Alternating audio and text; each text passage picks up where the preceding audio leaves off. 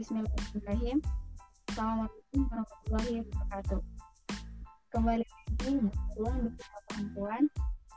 Nah, episode podcast kali ini kita mengundang Kak Nora Nasifa sebagai narasumber yang mana Kak Nora ini sebagai Ketua Bidang Pembinaan Kader Daerah Kabupaten Assalamualaikum Kak. Waalaikumsalam warahmatullahi wabarakatuh. Gimana kabarnya Kak? Sehat? Alhamdulillah. Nadia gimana? Alhamdulillah dia sehat. Nah, jadi di segmen kali ini kita akan ngebahas tentang personal branding perempuan.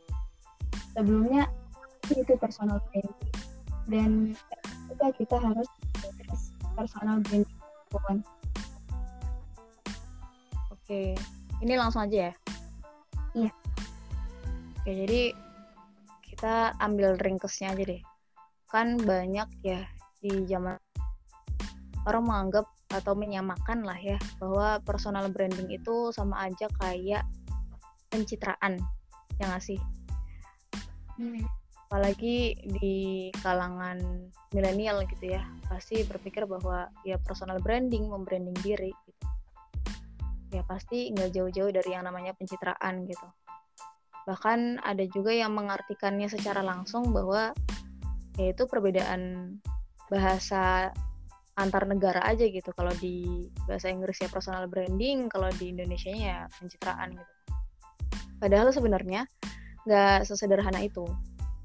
Jadi kalau di ilmu komunikasi itu kita menganggap bahwa personal branding itu adalah it's all about apa ya building trust gitu ya. Jadi kayak semacam membangun kepercayaan gitu.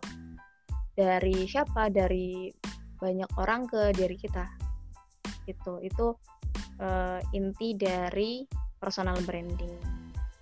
Gitu. nah kenapa jadi penting gitu ya? Sebenarnya uh, sesederhana kita itu memenuhi kebutuhan dasar dari kehidupan manusia itu kan ingin diakui keberadaannya gitu ya uh, one of six physical needs of human itu kan ya harus eksis gitu, harus ada, harus punya identitas gitu. Itulah kenapa mungkin teman-teman ada yang ikut kami, ada yang ikut uh, organisasi yang lain gitu ya. Itu karena ada suatu proses di mana manusia itu ingin menunjukkan dirinya gitu. Dan itu memang alami ya gitu. Maksudnya lahiriah kebutuhan hidup gitu. Yang bukan karena dia eksis, bukan karena dia narsis gitu ya, tapi ya itu memang, ya, memang sesuatu yang harus dipenuhi. Nah, personal branding itu hadir untuk memenuhi kebutuhan itu. Salah satunya ya, salah satu apa teori atau ya praktek gitu ya yang hadir untuk memenuhi kebutuhan dasar manusia. Itu uh, sebagai pembuka ya.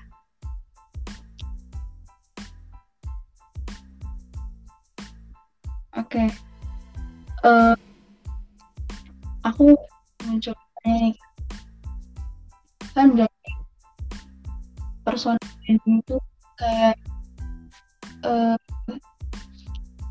cara kita mempromosikan diri ya iya nggak sih? Iya.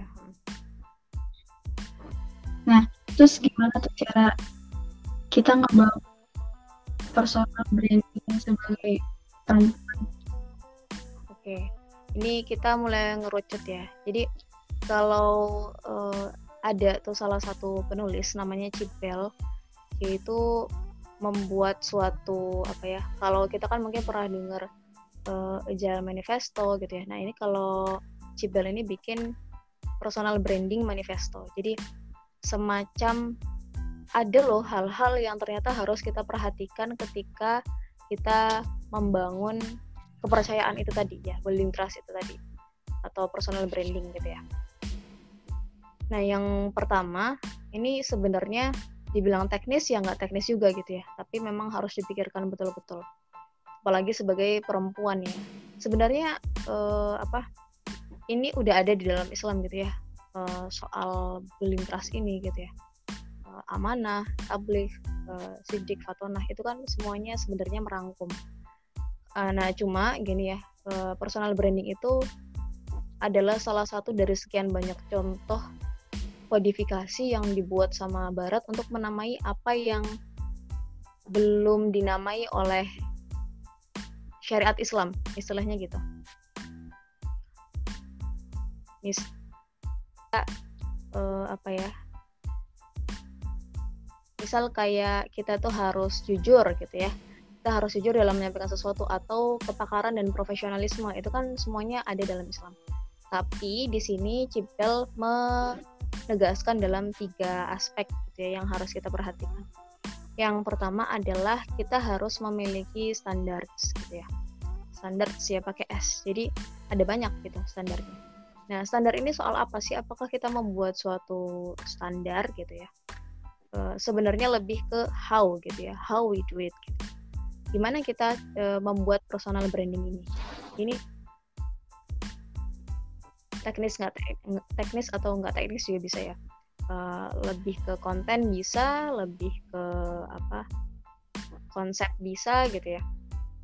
Jadi standards ini how we do it. Maksudnya apakah konten ini atau sesuatu yang membranding perempuan ini gitu ya? Kita sebagai perempuan lah ya apakah mau dibikin secara konsisten gitu ya? Ini sebenarnya salah satu syaratnya juga ya. Konsisten gitu. Asalnya ya konsisten gitu. Konsistennya dalam bentuk apa? Dalam bentuk kuantitatif bisa.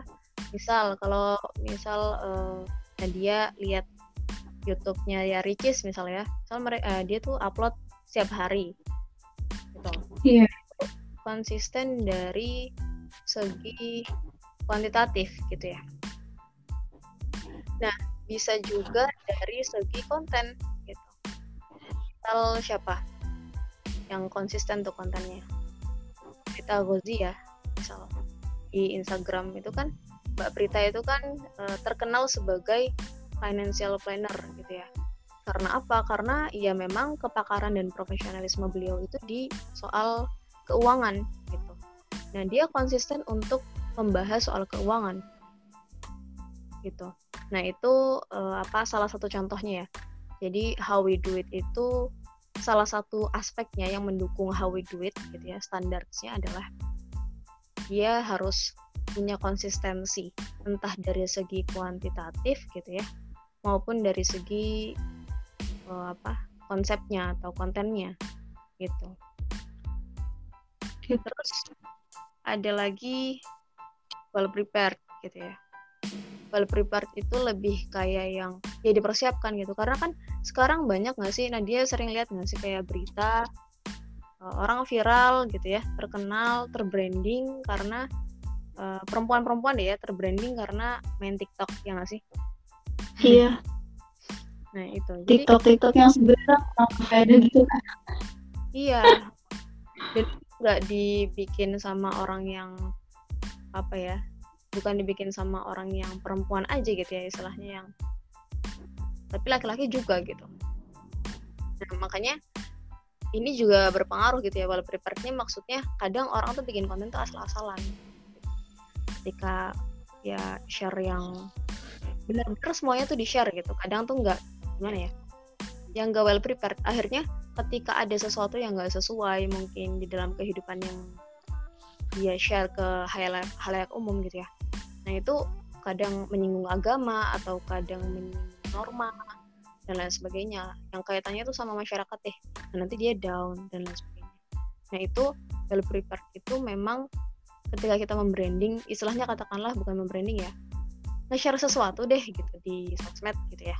Atau uh, melakukan sesuatu di ranah masyarakat gitu ya. Itu memang harus well prepared harus dipikirkan baik-baik atau sesederhana gini deh. Misal Nadia pakai jaket kami terus jalan-jalan di pasar gitu ya. Ya misal Nadia nawar nih nawar. Misal harganya uh, udah dimurahin gitu ya terus masih nawar. Nah nanti akan uh, orang yang lihat oh ini anak kami suka banget nawar kayak gitu. Sebenarnya nggak jelek ya maksudnya tapi itu uh, apa fenomena branding gitu ya. Fenomena yang bukan branding ya lebih ke labeling gitu Nah itu ada kaitannya sama labeling memang. Gitu ya. Jadi emang harus well prepared gitu. Nah, ada satu lagi nih, highly flexible. highly flexible tuh kayak apa ya fleksibel jadi misal apa nih dan dia pernah lihat nggak kayak apa ya kayak misal yang kakak inget Mbak Prita sih ya jadi Mbak Prita tuh kalau nge-share sesuatu ya misal pendidikan soal keuangan itu tuh nggak kaku. Maksudnya nggak materi terus gitu. Tapi dicocokin sama yang lagi booming waktu itu. Misal tahu startup kan ya? Iya. Mm. nah itu kan soal finansial kan ya? Soal bisnis uh, dan lain sebagainya kan ya? Digital marketing gitu kan ya? Nah itu ini apa salah satu yang diambil pelajarannya. Jadi ketika menonton drama atau ada lagu yang booming tuh diambil ada aja gitu celahnya buat dia tuh ngasih uh, apa influence soal keuangan gitu ke orang-orang. Itu kan menarik ya. menarik menarik banget sih kak. Atau Nadia pernah nggak sih nemuin kasus yang kayak gitu juga? Hmm, belum. Belum ya. Tahu ini apa lebih sering di ini sih lebih sering di sosmed memang gitu. Di Instagram di YouTube gitu. Itu apa sering bahas sesuatu ngaitin sesuatu yang lagi booming dengan kepakaran dia gitu. Itu ya kalau di kalau YouTube Instagram aku sering banget lihat iya orangnya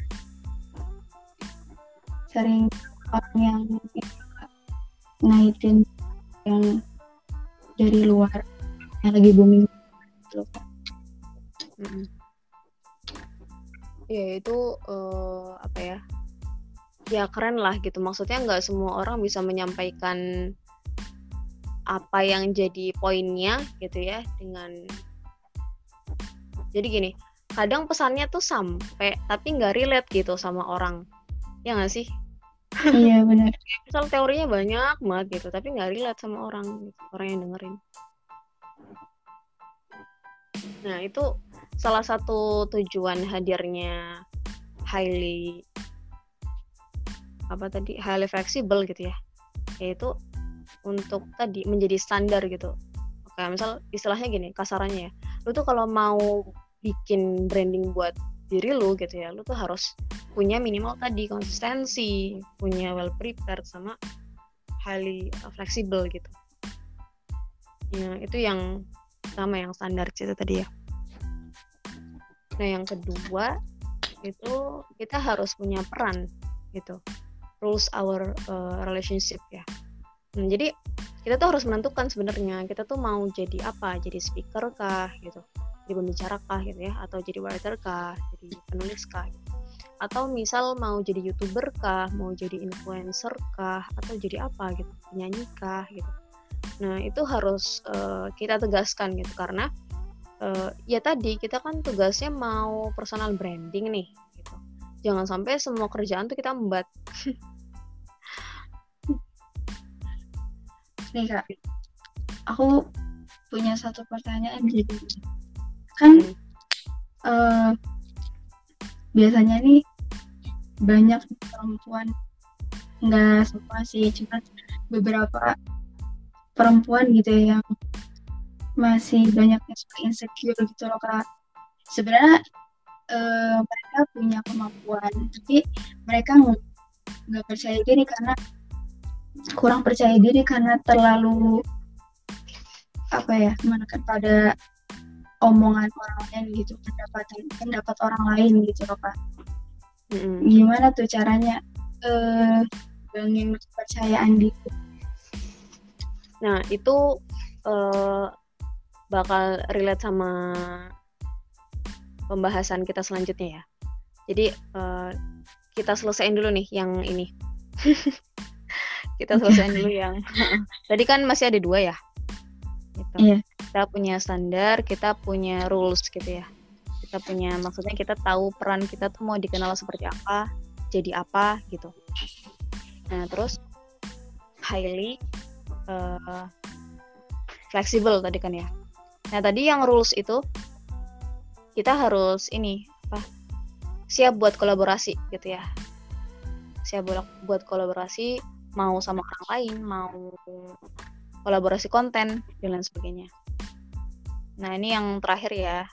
Tadi yang ketiga kita harus uh, bisa relate sama orang lain itu maksudnya apa ya tadi yang udah dibahas di awal? Bisa menghubungkan apa sih yang lagi booming di masyarakat sama apa yang jadi uh, kepakaran kita. Nah, ngomong-ngomong soal yang tadi dibahas sama Nadia, gimana sih cara membangun kepercayaan diri ya? Di antara misal lagi naik-naiknya nih, gitu kan, lagi ada di puncak gitu, terus uh, dapat head comment, dapat uh, apa insecure gitu ya, dapat ya head comment yang bikin insecure gitu. Nah, sebenarnya kalau perempuan gitu ya, perempuan khususnya muslimah ya pasti perasaan lebih dominan ya. Itu bukan bukan hoax ya. Maksudnya dokter Aisyah Dahlan kan juga udah pernah bilang gitu kalau celah perasaan perempuan tuh emang lebih dominan daripada laki-laki. Dan itu sesuatu yang nggak bisa dihindari sebenarnya nah tugas kita adalah dari diri kita sendiri itu memang uh, kita bisa nih kasih influence buat orang lain bisa nggak sih kasih influence buat diri sendiri gitu nah influence buat diri sendiri itu biasanya muncul atau dibuktikan ya dengan uh, sejauh mana kita bisa merasionalisasikan sesuatu gitu. Jadi oke okay lah kita tuh perempuan gitu ya makhluk yang berperasaan gitu. Tapi ketika ketemu orang-orang yang omongannya tuh ini nggak tahu siapa yang ngomong gitu ya. Kalau di sosmed kan nggak jelas tuh siapa yang ngomong. Ini nggak tahu siapa yang ngomong. Nah kita tuh gimana sih bisa serasional mungkin menghadapi permasalahan yang kemungkinan tuh bukan kemungkinan yang pasti datang gitu. Kalau kita udah terjun uh, apa apalagi berniat ya secara langsung untuk menjadi seseorang yang terbranding gitu ya. Nah itu kan pasti opposite kan pasti ada gitu ya. Nah caranya gitu ya. Yang perlu kita pahami pertama ya tadi eh, kehidupan itu ada pro dan kontra. Ada yang suka, ada yang nggak suka gitu. Yang suka ya nggak peduli gitu ya.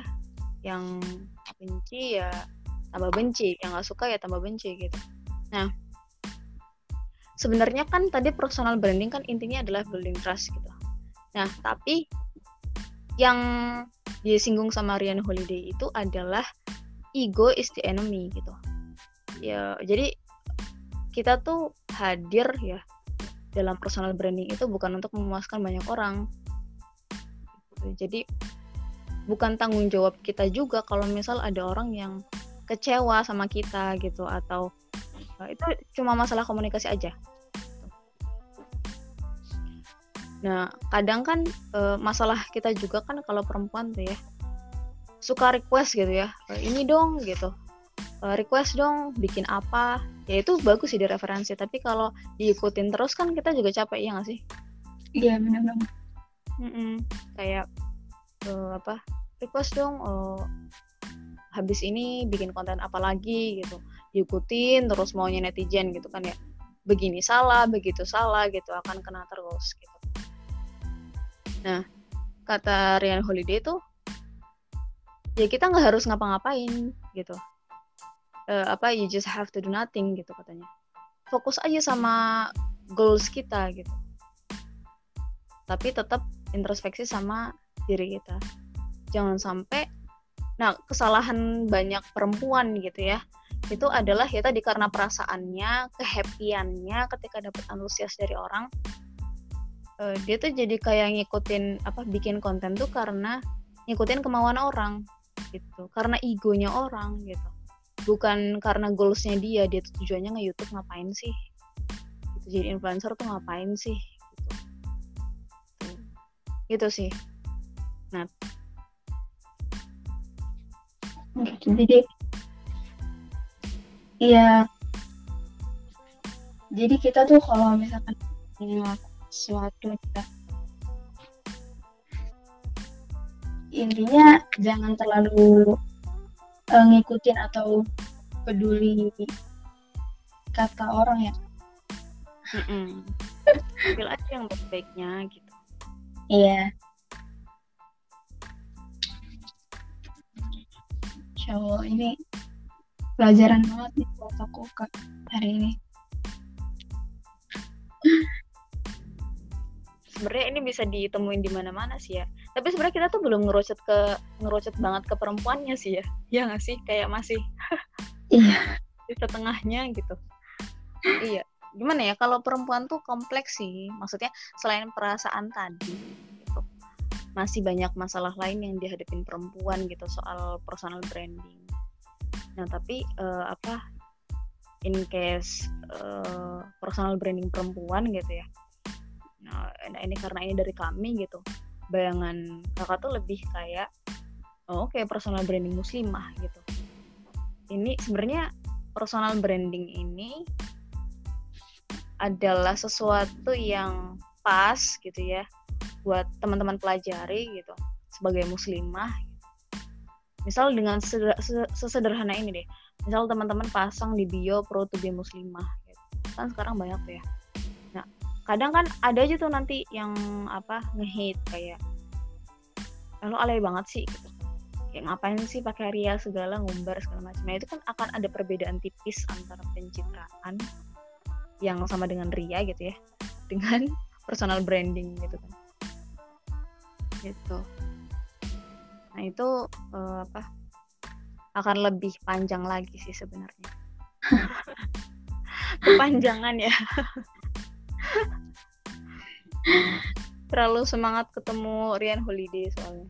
Soalnya relate banget dia bilang ego is the enemy. Oh iya, iya juga ya gitu. Kita berarti ini cocok banget nih buat kita kan sebagai mahasiswa nih muslimah yang nantinya uh, akan menjadi seorang aktivis ya. Sekarang juga seorang aktivis ya. Mm-hmm. iya jadi ketika udah uh, di dalam di dalam medan dakwah gitu ya. Iya jangan terlalu baper sih. Mm-hmm, benar benar banget. Iya. Dan apa ya kita sebenarnya juga dalam membranding tuh harus hati-hati ya. Kadang gini kalau perempuan itu kadang membranding dirinya itu khususnya aktivis ya anak kami lah ya gitu perempuan kami gitu muslimah negarawan dengan uh, apa statusnya gitu ya itu sebagai identitas ya jelas harus lebih hati-hati gitu ya maksudnya misal kita kan di sosial media gitu akan menunjukkan bagaimana sih anak kami, akhwat kami gimana sih gitu. Atau ya perempuan yang terdidik di kami itu seperti apa sih gitu. Nah, itu kan e, secara nggak langsung bukan personal branding lagi tapi personal apa? lembaga gitu ya, membranding suatu lembaga. Gitu Berarti e, dalam menjaga kehati-hatian itu berarti ya kita harus ini ya Kak memperkaya ilmu gitu kan dengan baca buku entah itu dengan nyari artikel yang yang baik untuk dibaca gitu. Sama mungkin dengan mendengarkan podcast podcast gitu nggak sih kak? Iya iya makanya kan kadang uh, apa sebenarnya ya benar sih balik lagi ke diri masing-masing gitu kan ya. Tapi ya adanya podcast kayak gini ruang bicara perempuan gitu itu juga sangat dibutuhkan untuk perempuan. Sekarang kan gini eh, sesederhana ini deh gimana Islam itu membranding perempuan? Itu kan menarik ya ya gak sih? Hmm. kayak kalau kita lihat di bukunya Ayat Al-Qurni terus di bukunya ya atau di Sirah Nabawiyah deh gitu ya secara umum. Itu kan banyak banget atau Buya Hamka deh buku-bukunya Buya Hamka. Itu kan banyak banget. Sebenarnya dia tuh buku besar ya maksudnya tebel gitu. Nah akan ada satu bahasan gitu ya. Eh, entah satu bab atau dua bab pokoknya secuil lah gitu. Itu bahasan yang khusus tentang perempuan gitu. Makanya oh seistimewa itu ya. Sampai ulama-ulama tuh mengkhususkan perempuan gitu peran perempuan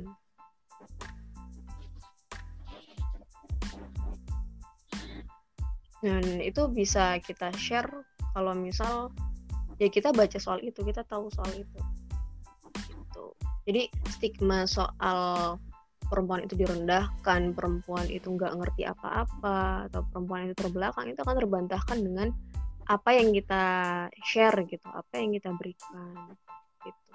Karena kan selama ini tuh masalah kita sebenarnya dalam branding kenapa perempuan itu dianggap seperti itu adalah karena kita tuh nggak nggak berani bicara gitu nggak berani ngomong. Apalagi kalau di forum ya yang bareng sama laki-laki gitu. Iya benar. Ya, ini tatarannya berarti ke offline ya iya kak. Iya karena kan personal branding umum ya. Umum maksudnya dia bukan soal digital doang gitu. Makanya lebih penting sebenarnya bukan personal branding sih tapi kita punya role branding gitu. kita punya peran khusus yang kita tuh gini kalau bahasanya anak unas tuh ya gini kunci kesuksesan dari suatu kepemimpinan itu bukan adanya wewenang tapi adanya pengaruh gitu. Jadi misal oke okay lah ketuanya laki-laki gitu ya. Ini juga bagian dari branding ya.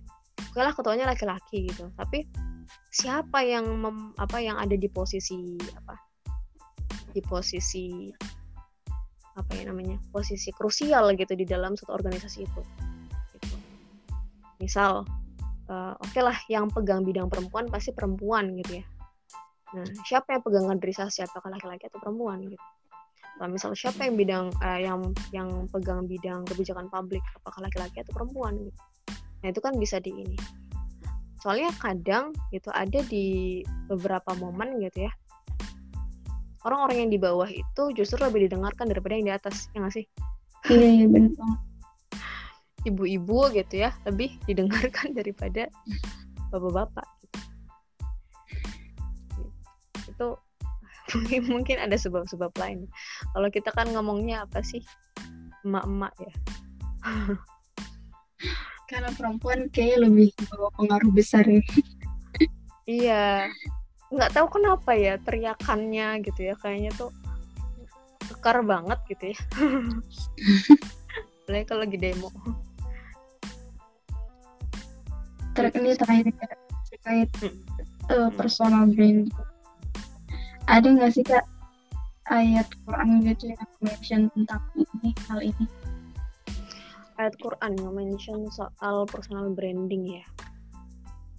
Sebenarnya secara umum ya ayat Al-Quran itu semuanya tentang personal branding. Personal branding kan istilahnya banyak kisah banyak kisah khususnya kisah sih ya karena kan Quran itu kan ada kisah ada sains ada bahasa gitu ya. Nah kalau buat personal branding ini sebenarnya lebih ke arah uh, gimana Al-Quran itu meminta kita untuk bersikap gitu ya. Kan misal wala tamshi fil ardi maruha gitu ya. Itu kan di surat apa itu? Luqman ya? Eh kalau nggak salah ya nanti kalau misal salah tolong dikoreksi ya. Wala tamshi fil ardi marwaha gitu ya misal. Nah itu kan apa janganlah kamu uh, apa melangkah di atas bumi dengan sombong gitu kan. Nah itu kan salah satu uh, apa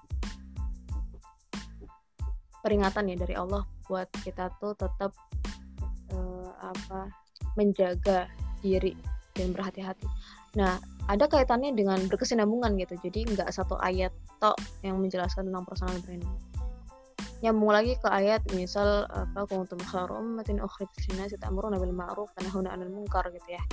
Nah, itu kan sebenarnya personal branding itu adalah salah satu sarana untuk kita kuntum khairu ummah loh gitu. Nah, kita tuh menunjukkan bahwa muslim tuh khairu ummah tuh yang ta'muruna bil ma'ruf wa tanhauna 'anil munkar. Artinya yang dengan dia sebagai statusnya sebagai khairul ummah bisa me, apa ya menunjukkan bahwa khairul ummah itu yang seperti ini loh. Dengan apa? Dengan amar ma'ruf nahi mungkar. Atau misal bersambung lagi sama ayat yang lain. Uh, ya ayuhan nasu inna khalaqnakum min dzakari wa untha waja'alnakum syu'uban wa qabaila itu kan prinsip kolaboratif gitu ya. Oke diciptakan bermacam-macam gitu kita kenalkan identitas kita kita dari mana dari suku apa misalnya kesukaan kita apa itu fine gitu. Bahkan Allah sendiri yang memerintahkan kita untuk berkolaborasi gitu. Itu kan uh, bisa ya ketika bisa juga dilakukan ketika kita uh, tadi sebab apa memenuhi standar tadi yang poin satu dari Cipel tadi. Itu jadi ayat-ayat Quran tuh sebenarnya kalau diperhatikan ya uh, membuat kita itu membentuk seorang muslim itu menjadi individu yang luar biasa hebat gitu. Nah itu kan uh, bagian dari apa ya bagian dari personal branding gitu. Mem membuat kita itu menjadi sebaik-baik kedua nah itu. Ah, masya Allah. Banyak banget pelajarannya. Ya Allah terima kasih kak Nau sama-sama. Nggak kerasa nih uh, kita udah sampai di penghujung pembicaraan nih kak. Lumayan panjang ya Afan ya. Nggak apa-apa. Nah kalau terakhir nih boleh nggak uh, closing statementnya dari kakak closing statementnya okay. yang kira-kira bisa buat kita atau semua pendengar podcast itu jadi semangat lagi oke okay. nah sebenarnya tadi balik lagi ya adanya teori Agile Manifesto adanya teori personal branding itu hanya kodifikasi yang dibuat oleh Barat tapi it means gak selalu yang dari Barat itu jelek kita juga perlu kok belajar uh, apa hikmah gitu ya kebijaksanaan yang datang dari mana aja Nah, adanya personal branding ini khususnya dalam ilmu komunikasi itu sangat penting gitu ya uh, buat peranan kita sebagai muslimah ya apalagi calon muslimah negarawan gitu. Nah, karena ya tadi seberapa besar pengaruh kita bukan wewenang itu sangat berpengaruh tapi lebih uh, apa? lebih efek gitu ya lebih bikin efek tuh ya kalau kita punya pengaruh meskipun kita gak ada di wewenang tertentu. Khususnya perempuan yang dianggap kasta nomor dua lah the other lah atau the sex lah gitu. Nah itu eh, bisa kita patahkan dengan kita menunjukkan bahwa nilai-nilai Islam tuh sangat memuliakan perempuan loh. Dan itu salah satu cara kita untuk membranding diri kita uh, memperdalam ilmu-ilmu Islam dan syariat gitu. Bagaimana izah dan ifahnya wanita itu bisa bukan wanita ya perempuan atau muslimah itu bisa dibangun dari sana kurang lebihnya itu aja. Oke okay, baik. Masya Allah closing statement yang luar biasa mengena banget. Makasih Kanau sama-sama. Ya makasih udah mau menyempatkan waktunya di ruang bicara perempuan di podcast BPKM Al Hikmah. Semoga kita bisa ini ya kak apa bertemu tatap muka langsung karena udah lama tidak ketemu. Amin. Dia ya Allah. Karena pandemi. Oke, okay, barakallahu fi kanal. Sehat-sehat ya kak. Amin, wafik. Semoga Allah mudah segala urusan kakak. Amin. Amin. Nah, teman-teman, itu tadi bahas kita uh, pada segmen kali ini. Semoga bermanfaat bagi teman-teman semua. Silahkan sukai dan bagikan jika uh, podcast ini bermanfaat bagi kamu. Saya Nadia dari Ruang Bicara Papuan. Sampai jumpa di episode berikutnya. Assalamualaikum.